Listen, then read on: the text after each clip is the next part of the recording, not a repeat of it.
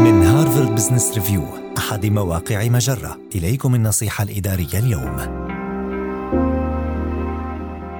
كيف تختلف مع زملائك دون أن تثير الخلاف؟ كثيرا ما نحاول تجنب المحادثات مع آخرين يمتلكون وجهات نظر مختلفة عن وجهات نظرنا أو إقناعهم بأنهم مخطئون، إلا أن النهجين عديما الجدوى. في المقابل، قد يكون من الممكن جعل الخلافات صحية من خلال استخدام بعض الأساليب. أولاً، ابدأ بتقدير وجهة نظر الشخص الآخر، سواء كنت تتفق معه أم لا. قل عبارات مثل أشكرك على مشاركة رأيك قبل أن توضح وجهة نظرك.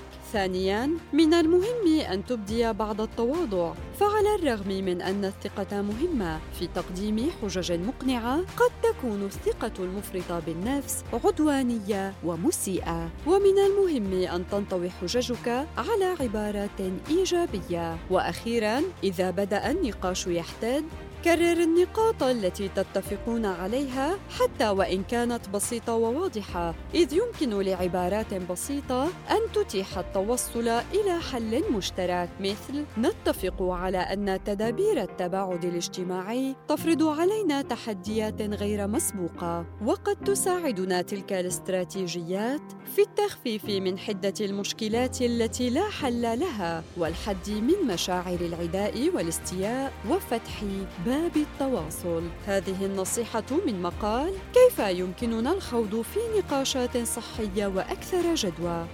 النصيحة الإدارية تأتيكم من هارفارد بزنس ريفيو أحد مواقع مجرة مصدرك الأول لأفضل محتوى عربي على الإنترنت.